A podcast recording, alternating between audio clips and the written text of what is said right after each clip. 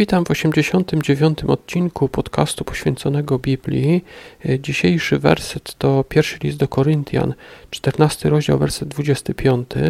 E, czytamy w tym miejscu, może powiem najpierw kontekst.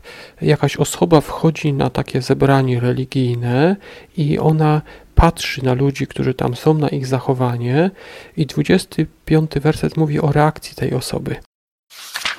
Jawne staną się tajniki jego serca, a tak upadłszy na twarz odda pokłon Bogu, oznajmiając, że prawdziwie Bóg jest między wami. Tak więc ta osoba wchodzi na takie zebranie i dochodzi do wniosku, że tutaj Bóg jest. Ale teraz należałoby przeczytać kontekst, co we wcześniejszych wersetach jest. Apostoł Paweł mówił tutaj o pewnych darach. Mówił o darach języków i mówił o darach prorokowania. W wersecie 23 mówił o darze języków, ale wspomniał, że taka osoba, która by weszła na takie zebranie, gdzie każdy mówi innym językiem, mogłaby pomyśleć, że te osoby szaleją. Z kolei w 24 wersecie wspomniano o prorokowaniu i osądzaniu. I właśnie konkluzją tego 24 wersetu jest ten werset 25.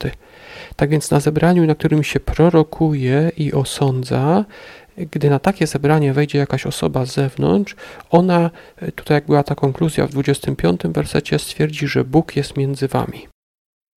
Ktoś może powie, że u nas się nie prorokuje, ale zwróćmy uwagę na kontekst. Prorokujecie i osądzacie. Zauważmy, że prorocy przekazywali słowa Boga, ale bardzo często oni osądzali. Oni mówili ludziom: y, róbcie tak i tak, to Bóg ześle wam błogosławieństwa, bo jeżeli dalej będziecie postępować tak i tak, to za to spadnie na was kara.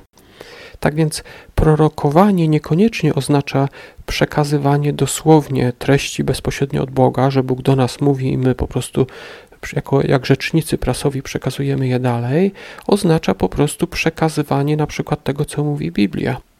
Tak więc to jest moje tłumaczenie. Ja rozumiem to w ten sposób, że jeżeli na zebraniu chrześcijańskim ktoś cytuje Pismo Święte, na przykład jakiś fragment dotyczący jakiegoś grzechu, jakaś osoba, która wejdzie, usłyszy to, ta osoba może potraktować to, że to jest dokładnie do niej i ona dojdzie do wniosku, że między wami jest Bóg.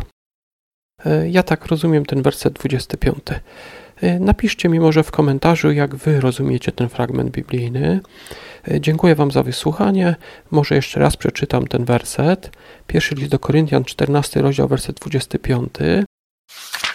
I jawne staną się tajniki jego serca, a tak upadłszy na twarz odda pokłon Bogu, oznajmiając, że prawdziwie Bóg jest między wami. E, dziękuję Wam za wysłuchanie. Zapraszam oczywiście do kolejnego odcinka, a więc do usłyszenia.